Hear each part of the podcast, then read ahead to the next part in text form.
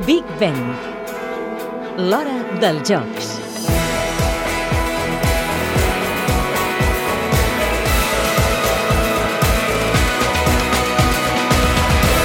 Seny i rauxa catalanes per a una disciplina oriental, el taekwondo.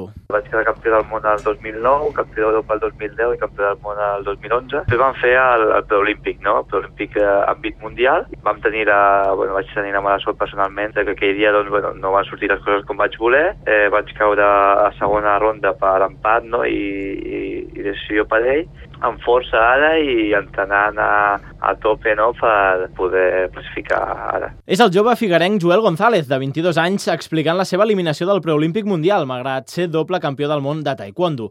Però González tindrà una segona i última oportunitat de ser a Londres en la categoria de menys de 58 quilos. Serà a partir del 27 de gener a Kazan, a Rússia, en el preolímpic europeu. Ell mateix analitza la competició i les seves opcions. Hi ha tres places, no? Classificar primer, segon i tercer d'aquesta competició, que és eh, un campionat a àmbit europeu, i bueno, crec que, que les opcions són, són moltes, no?, pels resultats que, que he tingut anteriorment, però que mai, mai es pot saber, no?, és un campionat, és un dia, i bueno, intentarem fer el millor possible i sobretot això, no?, estar, estar representant, no?, a, a les Olimpiades. El taekwondista català espera classificar-se per als que serien els seus primers jocs, i això és tot? Ni molt menys, ni molt menys. La veritat és que si tinc l'oportunitat d'anar als jocs, totes les persones que, que estan als jocs, que han classificat, els he guanyat. Sé que, que, bueno, que si vaig no, no em conformaria només anar-hi ni només amb un diploma, sinó voldria una medalla i si és molt millor. Si González arriba a Londres, marcarà en vermell una data al calendari, la del 8 d'agost, quan es disputa tota la competició de la seva categoria.